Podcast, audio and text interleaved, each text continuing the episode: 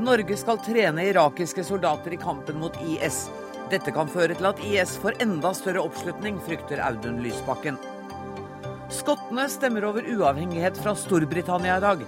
Et skjebnevalg for Storbritannias framtid, mener ekspertene. Ingen endring av styringsrenta fra Norges Bank i dag. Det er over 30 år siden han har vært urørt så lenge.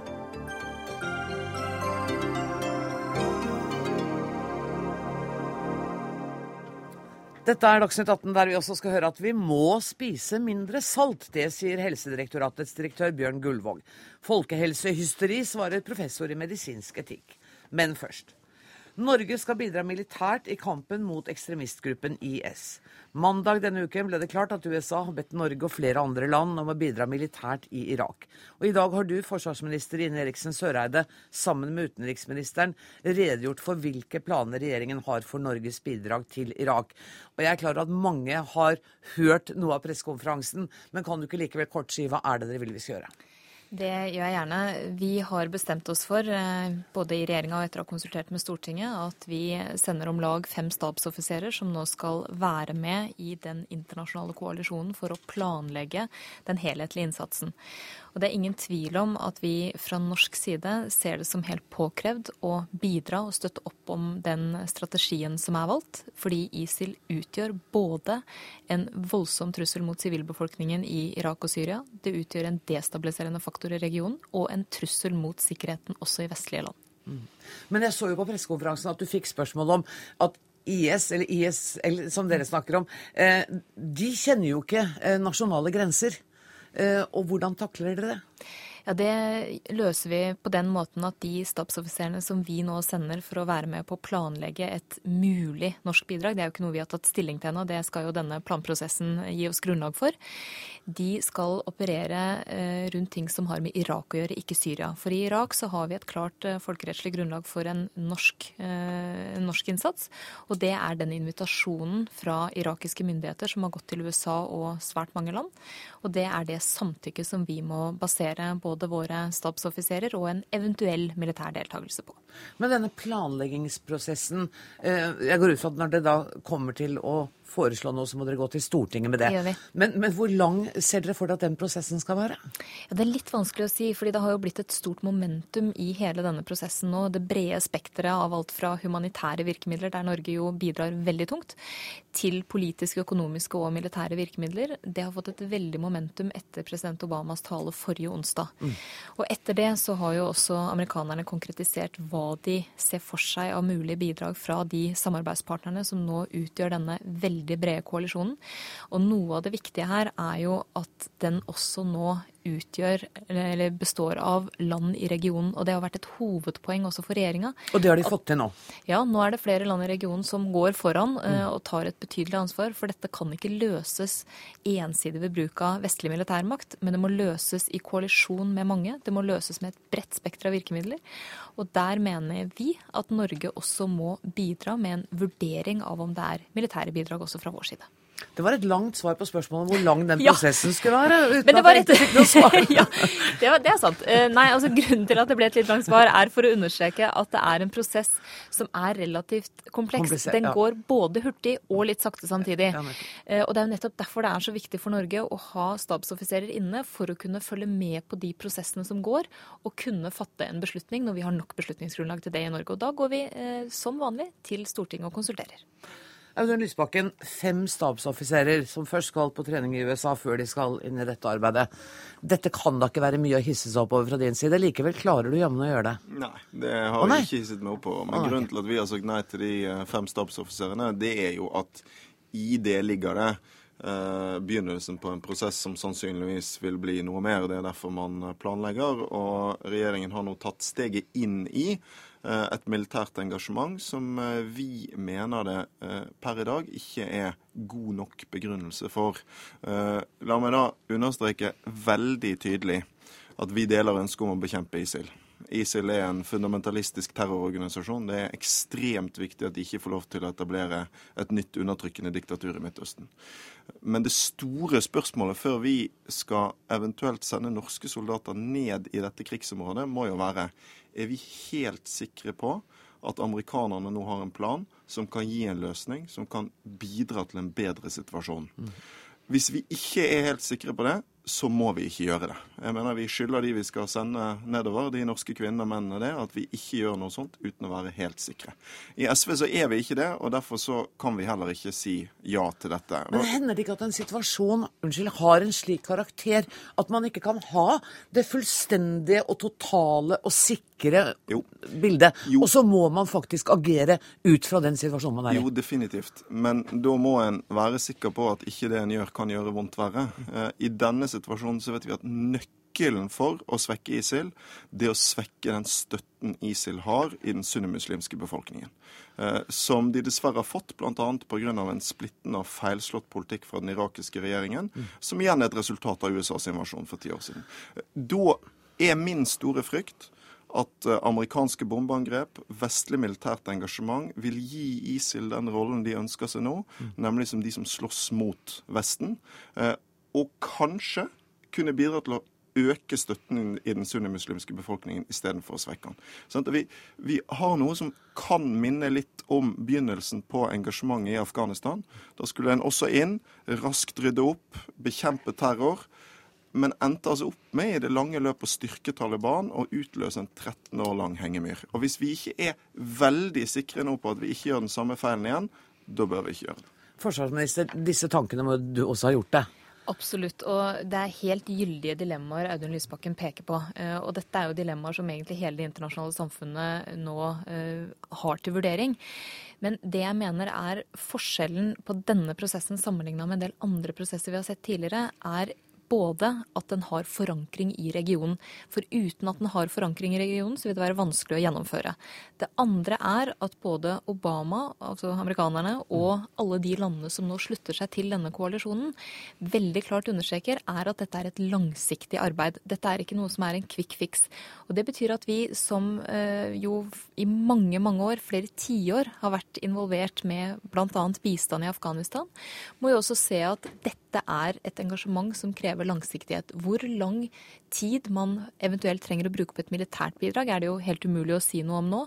Men det krever langsiktighet, det krever helhet. Og det er jo også det tredje som er annerledes nå, mener jeg, er at man ser helheten av virkemidler. Og det er ingen tvil om at det må til en politisk løsning. På den annen side så er det heller ingen tvil om at den brutaliteten ISIL nå legger for dagen, den trusselen de representerer mot sivilbefolkning og også regionen og vestlige land, den må også vurderes opp mot militære virkemidler. Og I dag kom det melding om at nok et gissel er tatt. En engelskspråklig mann som nå uh, sitter og gir intervjuer, eller han forteller nå på, på video uh, om hvordan han vil være med på å bekjempe den vestlige uh, polariseringen av, av, IS.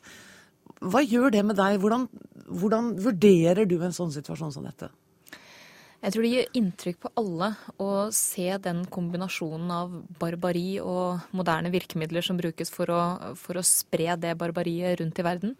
Og det som vi ser med både de gislene som har blitt tatt nå, eh, og også den voldsomme brutaliteten som utvises mot sivilbefolkningen, er jo at dette er en terroristgruppe som altså ikke kjenner verken humanitære eh, Eller altså retten til liv, retten til humanitære behov. De er grusomt brutale. Og det er noe som det internasjonale samfunnet i en bredere koalisjon enn vi noensinne før har sett, faktisk sier at dette må vi sette en stopper for. Men når du sier at det er veldig akseptable motargumenter som kommer fra, fra Lysbakken, da har jeg lyst til å spørre deg, hva, hva vil være din måte å takle dette på? Altså her er jo, jeg er jo glad for at regjeringen eh, også erkjenner dilemmaene her, eh, på samme måte som vi jo er enig i utgangspunktet. Eh, vi ønsker å bekjempe ISIL. Men hvordan, det er et godt grunnlag for en god diskusjon, tenker jeg. Og da, da eh, er det første budet må være gjør ikke ting som en ikke egentlig tror virker. Eh, jeg, jo, jeg tror at Obama-regjeringen har innsett noe veldig viktig. En ny bakkeinvasjon ville være en katastrofe. Mm. Da min frykt at det jeg nå gjør istedenfor, blir litt for å vise handlekraft, mer enn fordi man har en plan for handling man tror virker. Eh, og det må vi absolutt ikke gjøre. Eh, da må vi prøve en del andre ting. Eh, jeg skal ikke påberope meg å ha hele svaret på det. Det er dessverre ingen som har det, men vi vet jo at noen ting er helt avgjørende. Det er helt avgjørende å splitte støtte støtten til ISIL i den sunnimuslimske befolkningen. Da må det en mer inkluderende politikk eh, til i Irak. Det må vi håpe at den nye regjeringen kan bidra, bidra til. Det er viktig med politisk støtte til, til, kurderne. Jeg mener også at militær støtte til kurderne i seg sjøl kan være fornuftig. Jeg støtter og sympati for den militære kampen kurderne fører. Eh, og det må eh, en løsning til på borgerkrigen i Syria. Et ekstremt komplisert spørsmål, selvfølgelig. Men en konkret ting Vesten kan gjøre, ved siden av selvfølgelig å trappe opp den humanitære innsatsen, gjøre mer for flyktninger, det er jo nå virkelig gjøre den jobben som trengs for å skru igjen pengekranene til ISIL. Det Dette er en veldig rik terrororganisasjon. Det er mulig å strupe de økonomisk. Det er en av de viktigste oppgavene å har løst på. Jeg har lyst til å slippe til Lars Nehru Sand, politisk kommentator her i NRK. Uh, Lars Nehru Sand, hvor viktig er denne eh, situasjonen i det politiske bildet i Norge i dag? Det er jo en, eh, er jo en eh, internasjonal situasjon som senest i sommer kom og banka på vår egen eh, dør.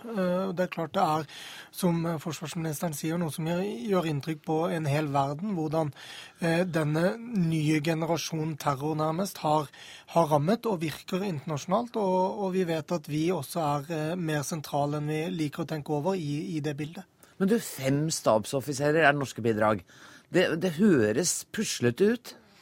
Ja, men det er en veldig tidlig planleggingsfase. og Man hører jo tydelig på forsvarsministeren også at her ligger det eh, i hele sakens natur at vi også vil delta eh, mer kraftig når det er lagt noen planer. og Først må de planene legges, og det skal vi være med på. Det er klart at I det ligger det også at, eh, at det internasjonale samfunn ser at vi er rede til å ta et ansvar. Vi er med å påvirke den videre eh, beslutningen, den videre prosessen av hva dette skal være, ved å være med å planlegge. Så vi er naturlig å bli spurt spurt og involvert tidlig i prosessen når man skal si B og C. Eh, nå har vi vært med å, å si A, en tydelig stemme i det. Og det er klart at det er forpliktelser og også internasjonale forventninger knyttet til det. Men er det en tydelig stemme? For jeg har sett noen kommentatorer i dag som sier at dette er rett og slett bare en liten symbolhandling for å støtte USA, det å sende fem soldater, eller fem stabsoffiserer. Du mener det er noe mer enn det? Jeg mener at Det ligger i kortene her at det vil bli noe mer enn det på sikt. Mm. Eh, og så er det jo også, Når eh, forsvarsministeren refererer til Afghanistan, så er det jo også i en erkjennelse av at man jo ikke vet hvor langvarig denne, eh, dette militære engasjementet kan bli. Eh, og vi vet for så vidt ikke om vi ønsker å fortsette å, å delta militært, eller om vi vil delta mer diplomatisk, politisk Eh, humanitært i en videre fase. Men at det å bekjempe ISIL ikke er noe vi er ferdig med før jul, det, ligger, det tror jeg alle er enige om. Kan dette bli den store politiske debatten i høst?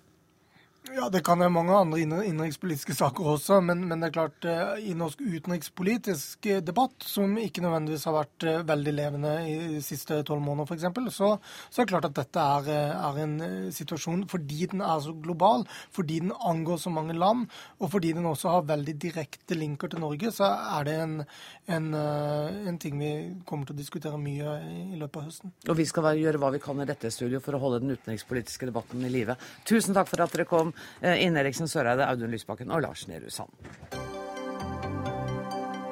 Dagsnytt 18 alle hverdager klokka 18.00 på NRK P2 og NRK2.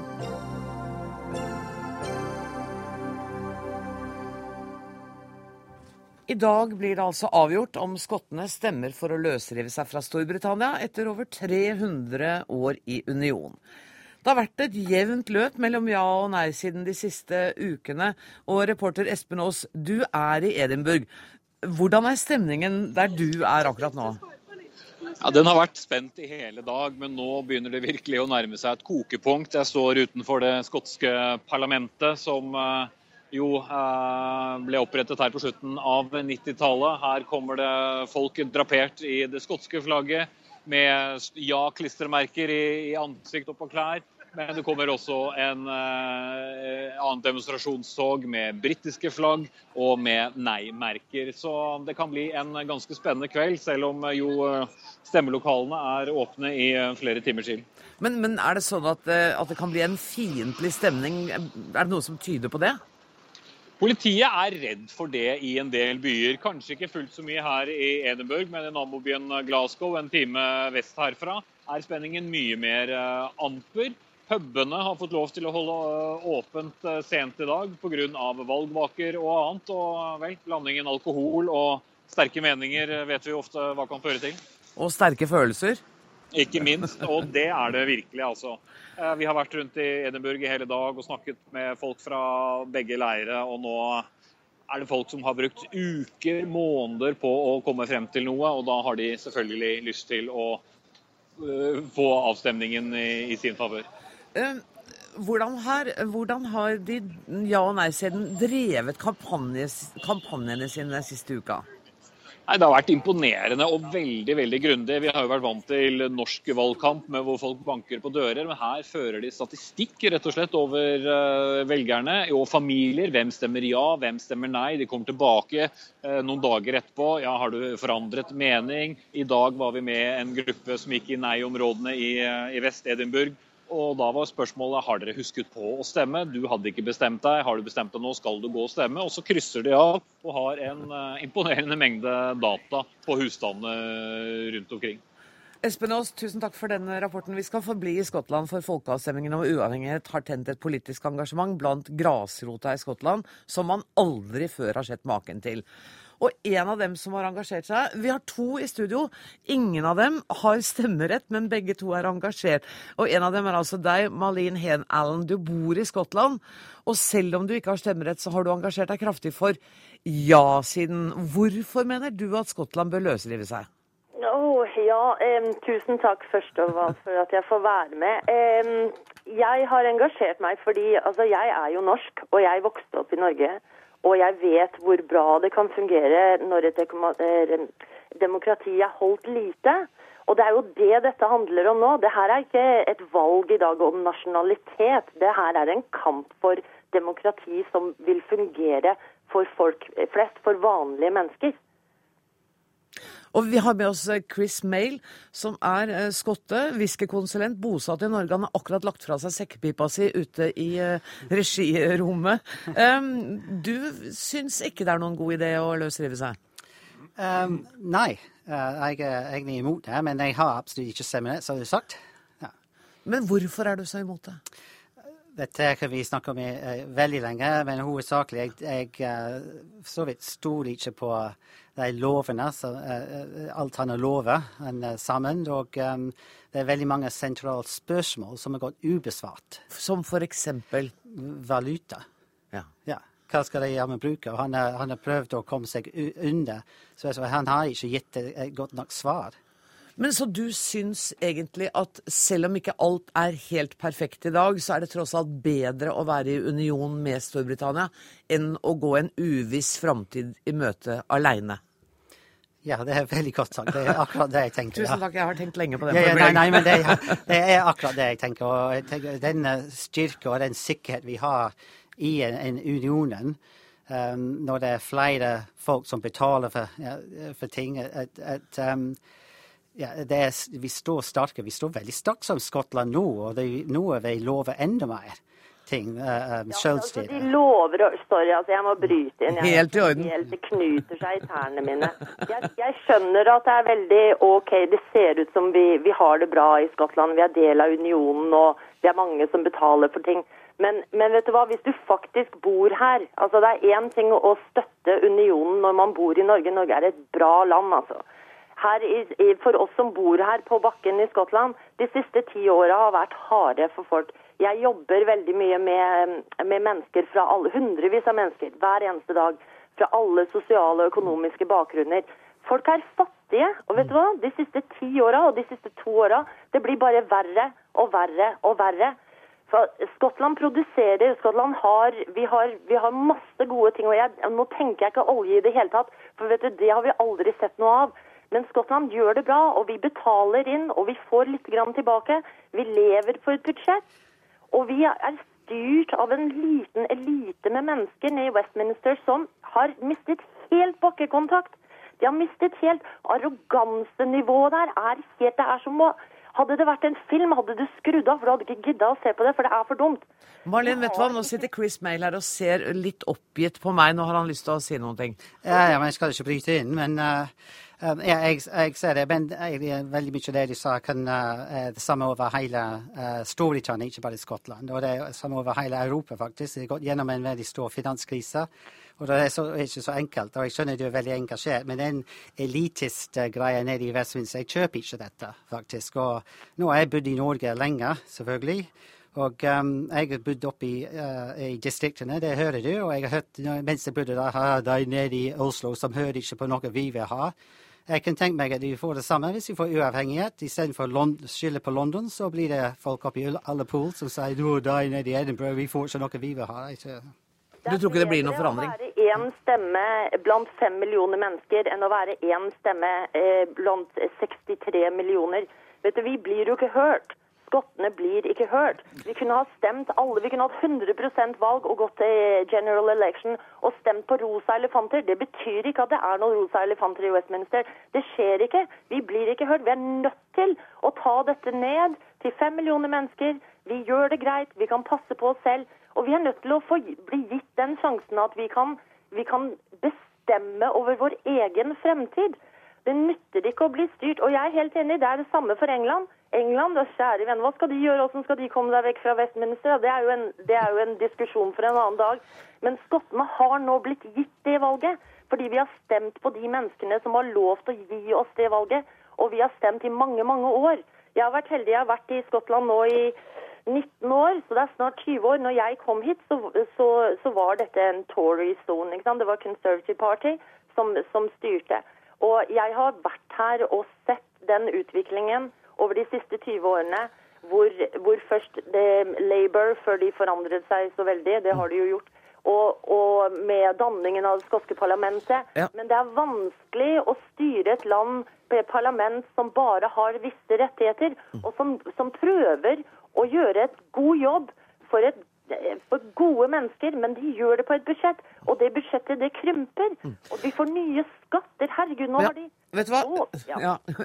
Jeg må slippe til, Chris. Men bare, uh, Marlene Hen Allen, du er helt sikker på at det blir ja-flertall, ikke sant? Jeg er helt sikker på at det blir ja-flertall, for vet du hva? Det, det fins ikke noe alternativ. Chris Mail, det fins et alternativ. Det er selvfølgelig et alternativ. Og jeg, jeg, jeg hadde sagt uh, for min del jeg tror det blir nei.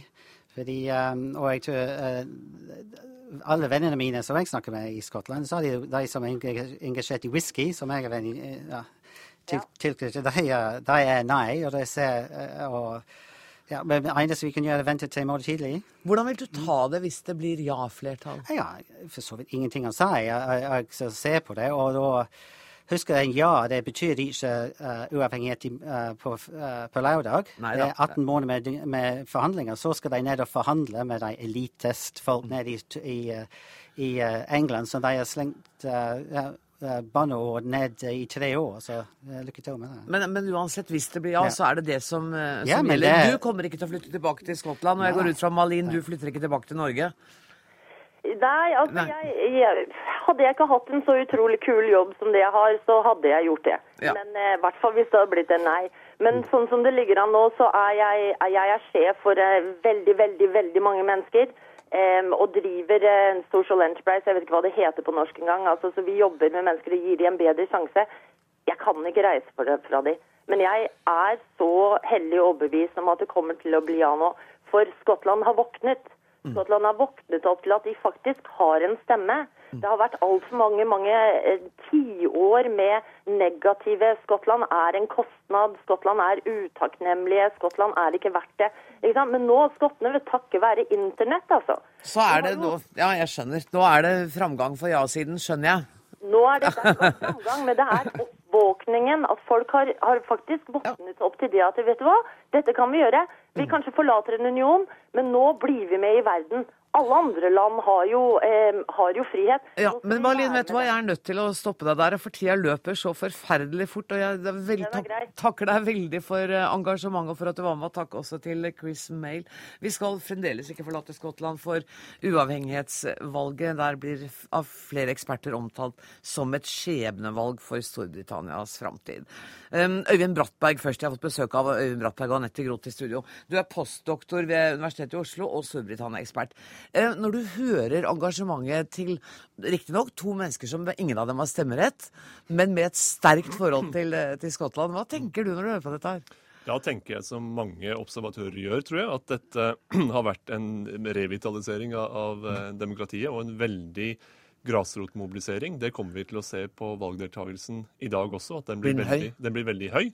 Og det er et, et lysende engasjement, og det tror jeg man vil se konsekvensene av uansett om resultatet blir et ja eller nei i kveld.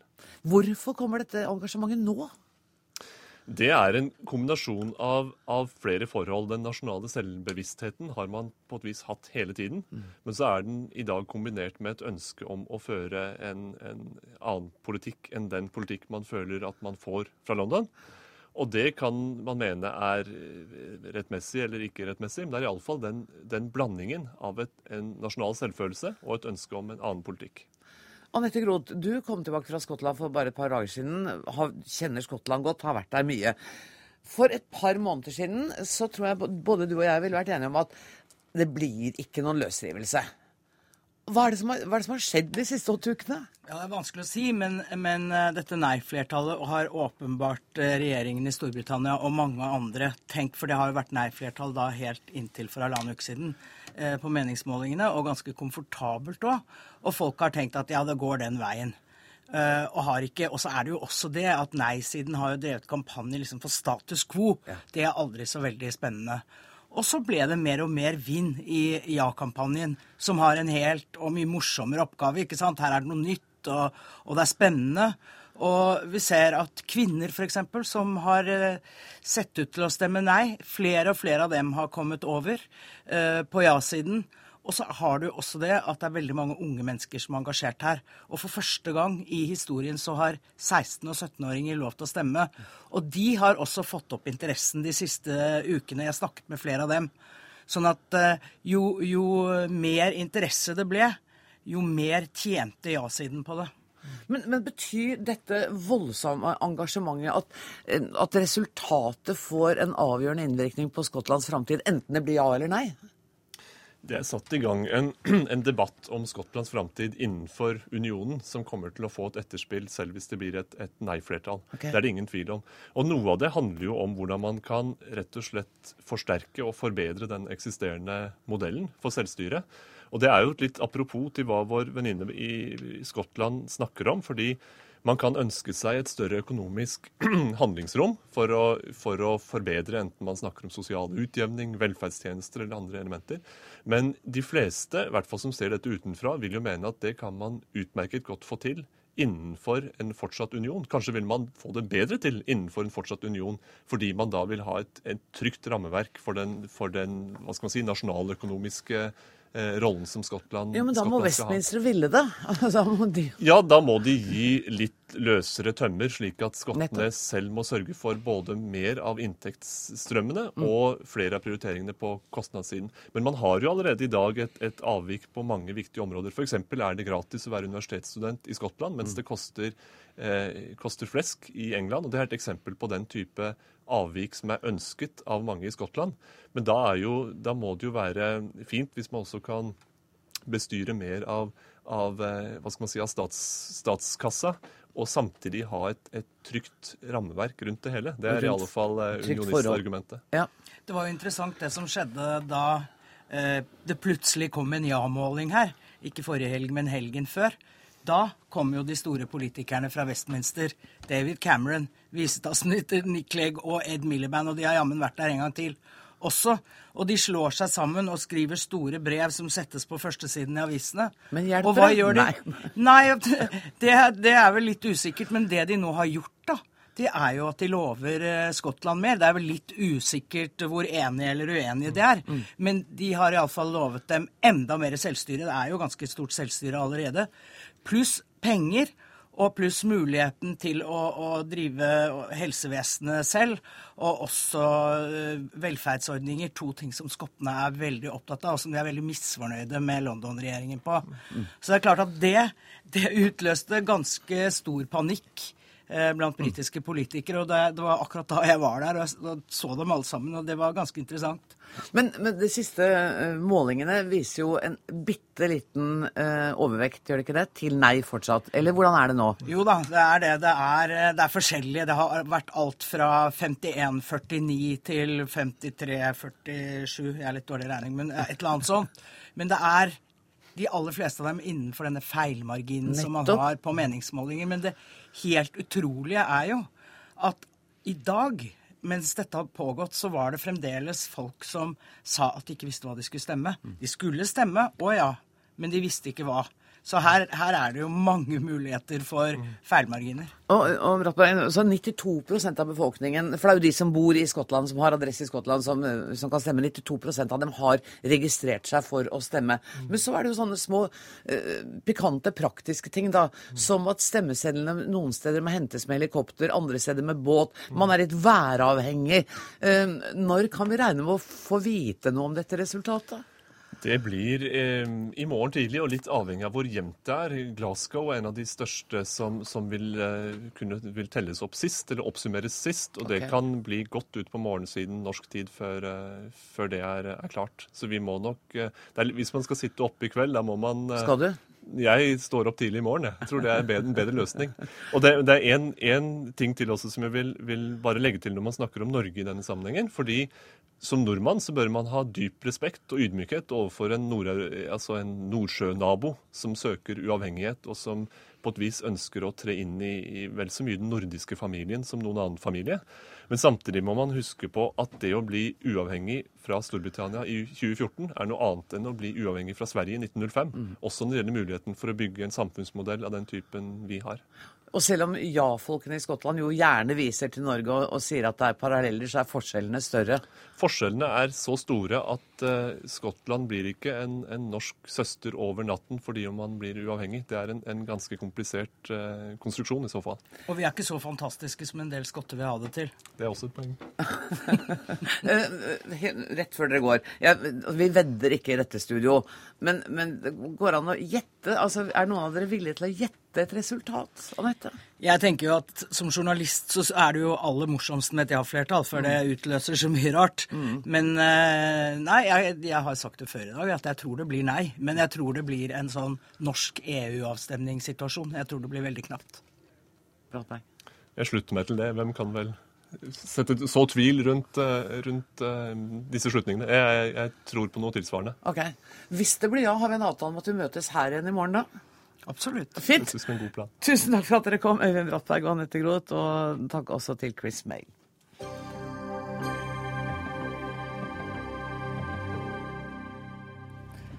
Så til mer hjemlige forhold. Som ventet ble det ikke varslet en endring av styringsrenta da sentralbanksjef Øystein Olsen presenterte beslutningen fra dagens rentemøte. Og en styringsrente på 1,5 kommer vi til å ha lenge enda. Sentralbanksjef Øystein Olsen, velkommen hit. Takk for det. Um, ingen endringer i 2015, så langt du kan se? Og ingen overraskelse, skjønner jeg. Hva betyr dette? Hva sier dette om norsk økonomi? Altså Generelt så eh, er det altså, Renten har ligget stabilt, fast en god stund. Det er utsikter til at den mest sannsynlig blir liggende på dagens nivå en god stund fremover altså I seg selv så er lave renter et lite varsko. Er det det? Ja. Men da, men da må vi, da, da må vi raskt rette blikket til utlandet. Det, det, er grunnen til at rentene er så lave her hjemme at rentene ute er nær null. De har vært nær null lenge. De kommer til å bli liggende lavt i lengre tid. Det er et dårlig signal på vegne av internasjonal økonomi, som sliter med å komme ut av ettervirkningene av finanskrisen.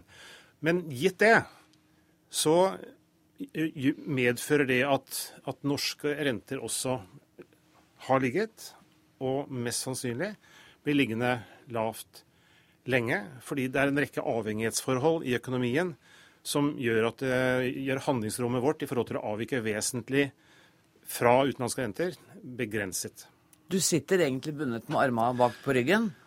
Vi bruker jo ikke de ordene. Nei, vi har det handlingsrom i, i pengepolitikken. Jeg vil minne om at norske renter er ikke null. Nei. De er, eh, vi har handlingsrom begge veier, som vi sier. Vi, vi, renten er, styringsrenten er 1,5 eh, og, og i tillegg så er de rentene som publikum betaler til boliglån og foretak betaler på sine lån, eh, på et klart høyere nivå, la oss si rundt 4 Men fortsatt helt akseptabelt og i, i veldig lave, egentlig. Ja, det syns jeg kanskje de fleste bør erkjenne. Mm. At eh, dagens renter ikke, som de betaler i banker, ikke er på et høyt nivå, men på et akseptabelt nivå, som du, bruker, som Mm. du sier. Men kunne du bidratt til stimulans ved å si at OK, jeg, jeg bruker litt av dette handlingsrommet, eh, og vi går litt opp? Vi har handlingsrom eh, begge veier, som vi vil bruke når vi finner tiden moden for det. Eh, vi- holder jo ikke renten i ro bare fordi vi føler at vi er nødt. Nei. Vi holder renten uendret fordi vi mener at det er riktig i dagens eh, situasjon. Eh, skulle situasjonen tilsi noe annet, skulle prisstigningen eh, la oss si, avvike på nedsiden kraftig i forhold til målet på 2,5 Mm. eller at vi får store problemer, større problemer i realøkonomien, som vi kaller det. altså Sysselsettingsutviklingen skulle bli klart svakere. Vi får en markant avdemping i produksjon og etterspørsel. Ja, Så har vi muligheten til å sette renten ned. Motsatt dersom bevegelsene skulle være i en annen retning. Men de signalene du gir, eh, er jo, også, er jo langsiktige og viktige for næringslivet. Eh, eh, Hvis du orker, kan ikke du forklare meg litt om denne rentebanen? Jo. Ja, det er, det er et, et godt spørsmål. Takk skal du ha. Den, den legger vi vekt på Ja. i Norges Bank. Eh, først vil jeg si at det er ikke alle sentralbanker som, eh, som eh, er åpne på den måten som vi her, gjennom å, å kommunisere gjennom anslag, herunder anslag for renten to-tre år frem i tid. Eh, Vi gjør det sammen med noen andre sentralbanker, New Zealand og, og Sveriges eh, riksbank. Det er, en, det er en måte fra vår side å, å kommunisere til markeder, aktører, de som skal investere, enten det er husholdninger eller bedrifter, eh, om fremtidige renter. Fordi alle vet, husholdninger vet også at det er ikke bare rentene i dag som betyr noe når man binder seg til masten gjennom en investering. Man, man er interessert i hva rentene vil bli fremover. Vår måte å kommunisere det budskapet på er gjennom eh, rentebaner. Eh, Andre sentralbanker, eh, den amerikanske sentralbanken, den europeiske Bank of England, har andre varianter mer i retning av verbal kommunikasjon for å gi den samme type signaler. Hvorfor syns du rentebanen er bra? For når jeg hører på deg, så tenker jeg det, det som er godt med det, ut fra mitt ståsted, er at det gir en forutsigbarhet. Mens det jo også bidrar til å minske handlingsrommet ditt. For du har på den ene siden lovet meg forutsigbarheten, og det reduserer din egen handlekraft. Eller? Det korte svaret er nei. Nei. Det reduserer ikke vår handlefrihet. Eh, Denne, en slik rentebane er intet løfte. Eh, Det er, det er det vi beskriver som den mest sannsynlige rentebanen akkurat nå, hvis alt skjer hjemme og ute, slik vi nå forutser. Men det gjør det jo ikke. Så vi vet jo nesten med sikkerhet at rentebanen fremover kommer ikke til å bli akkurat slik som vi nå tegner. Men, men det er, man, må, man må ta det som det det er. Det er vårt beste anslag nå på rentebanen fremover, gitt det økonomiske bildet slik vi ser det. Men når og hvis situasjonen endrer seg, så vil vi justere renteutsiktene også. Hvor tett følger du dette? Eh, Altså utviklingen hvor, hvor, hvor Prøv å gi meg et inntrykk av hvor tett på du er. ja, hjelper det å si svært tett? Ja, det, det, Betyr det hver dag? Ja, ja og ja. Ja. Eh, Norges Bank har eh, For å si det litt eh, ikke, ikke, ikke spøkefullt, men det er, det er seriøst. Eh, Vi bruker mye, like mye ressurser. Vi bruker godt med ressurser. Tilstrekkelig med ressurser. Vi har mange titalls veldig dyktige økonomer som følger utviklingen nøye i internasjonal økonomi, norsk økonomi, og som gir da sentralbankledelsen og hovedstyret råd om rentesettingen. Og Det er sånn sett like krevende å holde renten i ro som, å, sånn, i, i, som å endre den opp eller ned. Så Norges Bank eh, følger utviklingen eh, og grunnlaget for rentesettingen svært nøye. Jeg blir beroliget av det, merker jeg. Uh, tusen takk for at du kom og bidro til folkeopplysningen i dag, sentralbanksjef Øystein Olsen. Og nå skal det dreie seg om helse. Litt travel helseminister kom inn. Var det så vidt du rakk det i dag, eh, Bent Høie? Ja, det går fint. Det går bra. Du har altså kommet på forslag om å gi alle nordmenn fritt behandlingsvalg i Norge og i resten av Europa. Og det forslaget har møtt kraftig kritikk. Var det ikke sånn at tre av fire helseforetak har sagt nei takk til det forslaget? Ja, Nå er det to forskjellige forslag. dette. Ok, Men det som går på at vi har fritt helsevalg i Europa, tenkte jeg vi skulle snakke ja, om. Det er jo et forslag som er en oppfølging av eh, pasientdirektivet fra EU. Den forrige regjeringen, men de hadde jo det forbeholdet om at eh, pasienter måtte ta, ha forhåndsgodkjenning for å kunne komme ut i Europa. Jeg kløna denne Ja. innledningen litt til, men det er det vi skal snakke om. Det det. Og du vil ta bort den forhåndsgodkjenningen, sånn at vi kan reise til Europa så mye vi vil. Ja, altså Den forhåndsgodkjenningen var jo bare en, et byråkratisk hinder for at eh, pasienten ikke skulle få bruke sin nyvunne rettighet, eh, nemlig muligheten til å få planlagt behandling i, i, i Europa, som er en del av eh, direktivet, som, eh, som jeg oppfatter at det er ikke noe uenighet om at Norge må, må innføre. Men jeg da er opptatt av at det, vi skal skape pasientens helsetjeneste, og da er ikke min oppgave å lage problemer for pasientene, men å gjøre det enklere for pasientene. Og Derfor så tok vi vekk den forhåndsgodkjenningen. Men så er det jo sånn at de fleste pasientene vil jo ikke ta risikoen på å reise planlagt til utlandet for å få en sykehusbehandling, og så reise hjem igjen og kanskje ikke få dekka regningen. Så Derfor har vi òg lagt en, en ordning der de kan be om å få et tilsagn på forhånd. Men det er ikke sånn at når du kommer hjem igjen og presenterer regningen, så får du avslag fordi du ikke tok det opp på forhånd. Det var det som den forrige regjeringen foreslo. Sånn at hvem som helst kan nå reise til utlandet og få uh, sin behandling på sykehus der. Har dere gjort noen kalkyler på hvor mange dette kommer til å gjelde? Nei, men Vi ser til Sverige. Der har denne ordningen uh, vært sånn siden 2005. Og i Sverige så er det nå om lag 5000 eh, pasienter som benytter seg av dette. Så er jo svenskene flere enn oss. og det, så ligger vi trolig litt unna det. Så det vil ikke være noen veldig stor andel, men det vil være viktig for noen pasienter som har et sterkt ønske om å få eh, den behandlingen i utlandet, og en del pasienter, eller nordmenn som oppholder seg i utlandet, som vil ha eh, eller i Europa, da, som vil ha behov for planlagt sykehusbehandling òg, og slippe å reise hjem for å få det dekket. Vil det bety noe som helst for norsk sykehusøkonomi?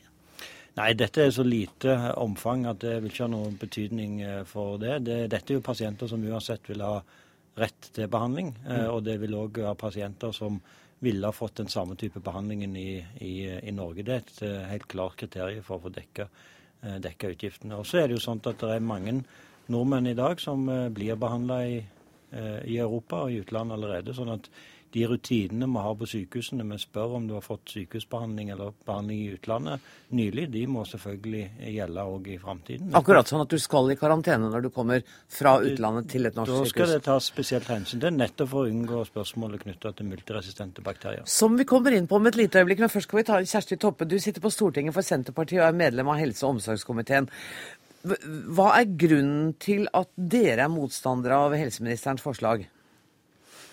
Eh, Vi er motstandere av den, den eh, endringen som eh, helseministeren foreslår, og som de har fremmet en lovproposisjon om nå, eh, om pasientrettighetsdirektivet, og ta vekk den forhåndsgodkjenning. Vi var òg imot selve pasientrettighetsdirektivet, men tapte det i den forrige re regjeringa.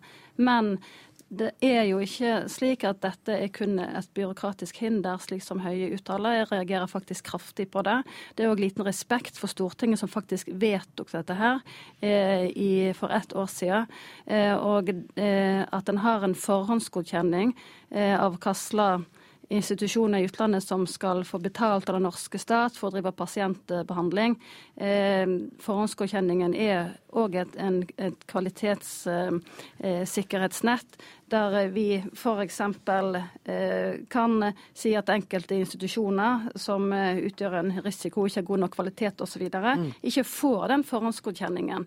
Eh, og det andre som Høie har gjort, i strid med det som Stortinget vedtok for et år siden, er å gi denne rettigheten til alle pasienter som trenger sykehusbehandling. Det som Stortinget vedtok, var at dette skulle gjelde de pasienter som ikke fikk eh, behandling innen gitt tidsfrist i Norge. Så det er en- et helt annet forslag Høie nå vil innføre, eh, som eh, betyr fritt eh, sykehusvalg på kryss og tvers i hele Europa, som gjør det vanskelig for oss å å, å ha styring og kontroll på, på eget helsevesen, og ikke mm. minst da den risikoen med, med smitte som, som Det skal vi komme tilbake til. Vi, vi tar de første argumentene ja. dine først. Høie, du reagerte på noe av det Toppe sa. Ja, for det første så er det jo det som Toppe her beskriver som eh, den forrige regjeringen gikk inn for, er jo eh, med rene ord byråkratiske hindringer for at pasienten ikke skal kunne bruke sine rettigheter.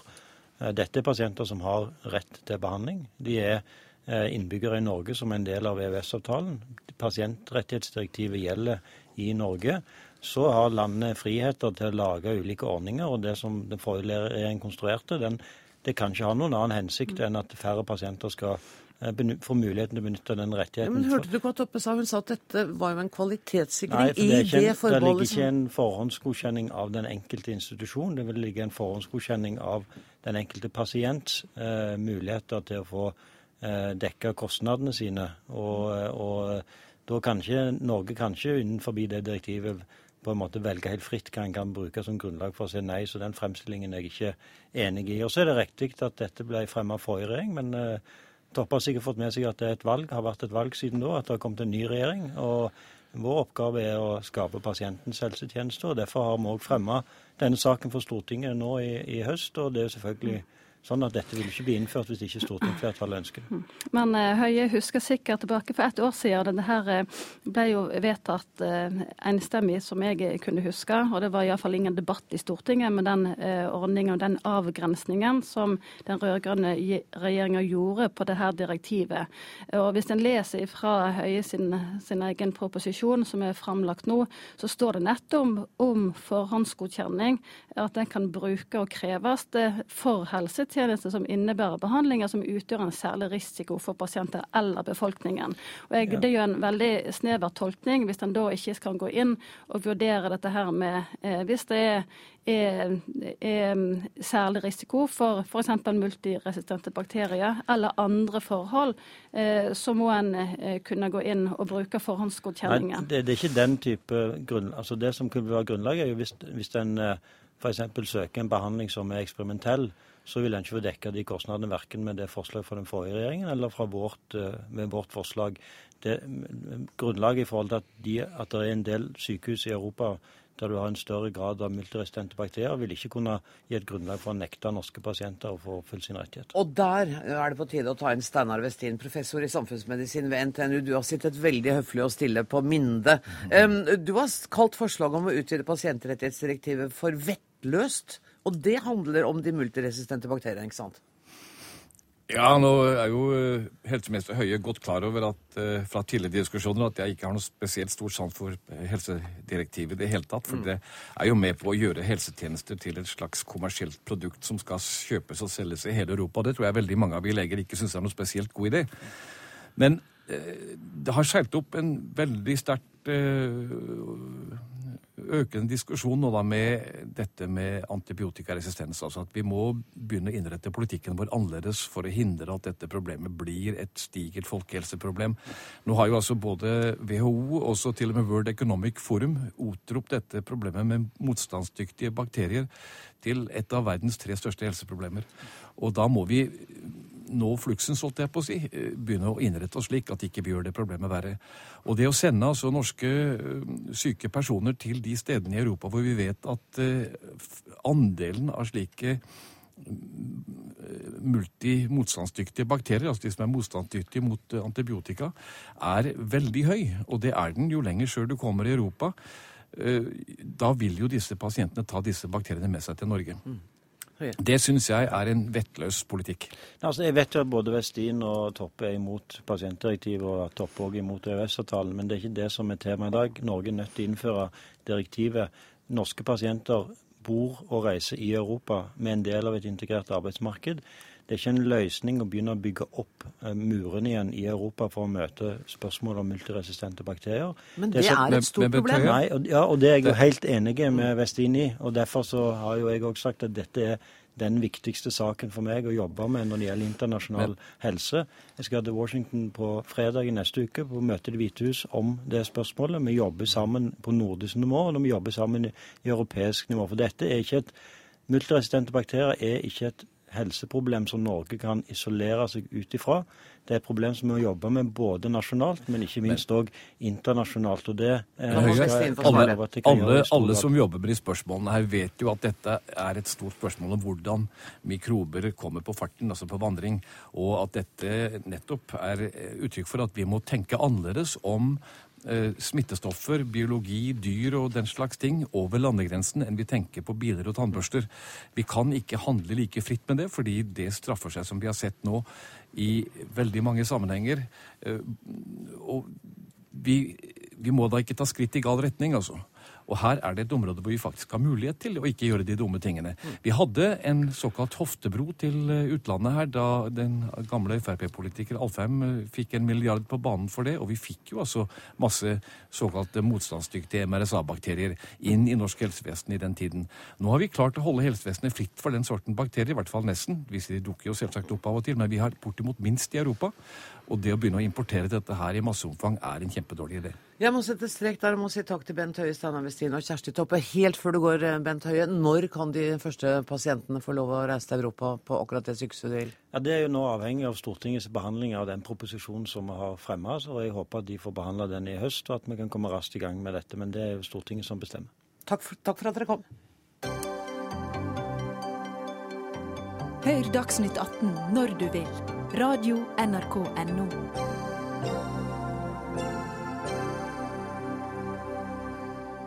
Og det skal fortsatt dreie seg om eh, helse i Dagsnytt 18. Kanskje kunne helsestatsråden fortsatt vært her, men uh, vi klarer oss med Bjørn Gullvåg, direktør ved Helsedirektoratet, og Jan Helge Solbakk, professor i medisinsk etikk ved Universitetet i Oslo. Fordi det vi skal diskutere, er saltinntaket vårt. Halver saltinntaket til ca. 5 gram om dagen. Det mener du, Bjørn Gullvåg i Helsedirektoratet. I formiddag la dere fram nye nordiske tall om saltforbruket. Og dere oppfordrer oss til å lese hva det står på pakka når du handler, og sammenligne med andre varer. Mener du skal jeg virkelig være nødt til å lese på alt jeg kjøper, hvor høyt saltinnholdet er? Nei da, det skal oh, du ikke behøve.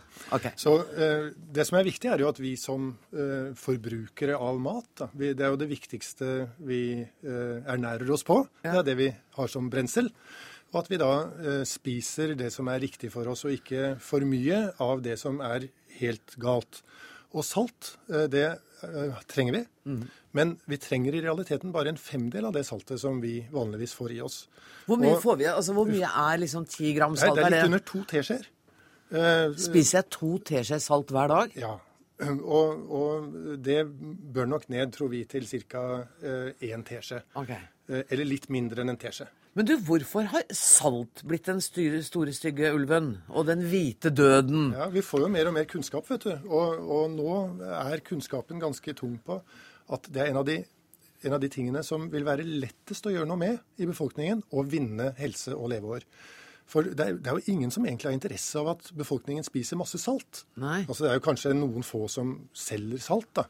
Men, men både de som lager maten, og vi som spiser den, vi må jo være interessert i at vi spiser riktig mengde salt. Og de som produserer maten for oss, de må jo være interessert i at vi lever lenge og kan være forbrukere. Og derfor eh, er det egentlig et vinn-vinn-spill. Men hvor, hvorfor spiser vi mer og mer salt, da? Altså, er... Jeg vet ikke egentlig om vi spiser mer og mer. Oh, for det, det, vi har nok lagt oss på dette nivået gjennom ganske mange år. Okay. Og, eh, og, salt brukes jo for eh, å gi liksom mer smak, syns mange, til maten osv. Ja.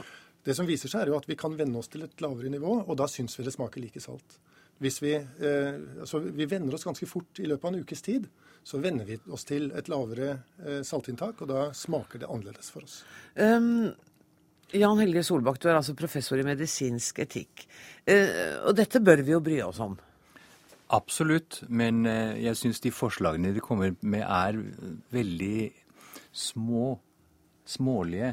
Altså, Dere påpeker jo at 31 altså en tredjedel av befolkningen er overhodet ikke opptatt av dette, vet ikke om dette. Det vi vet, er at mer og mer mat som selges, er såkalt industribearbeidet.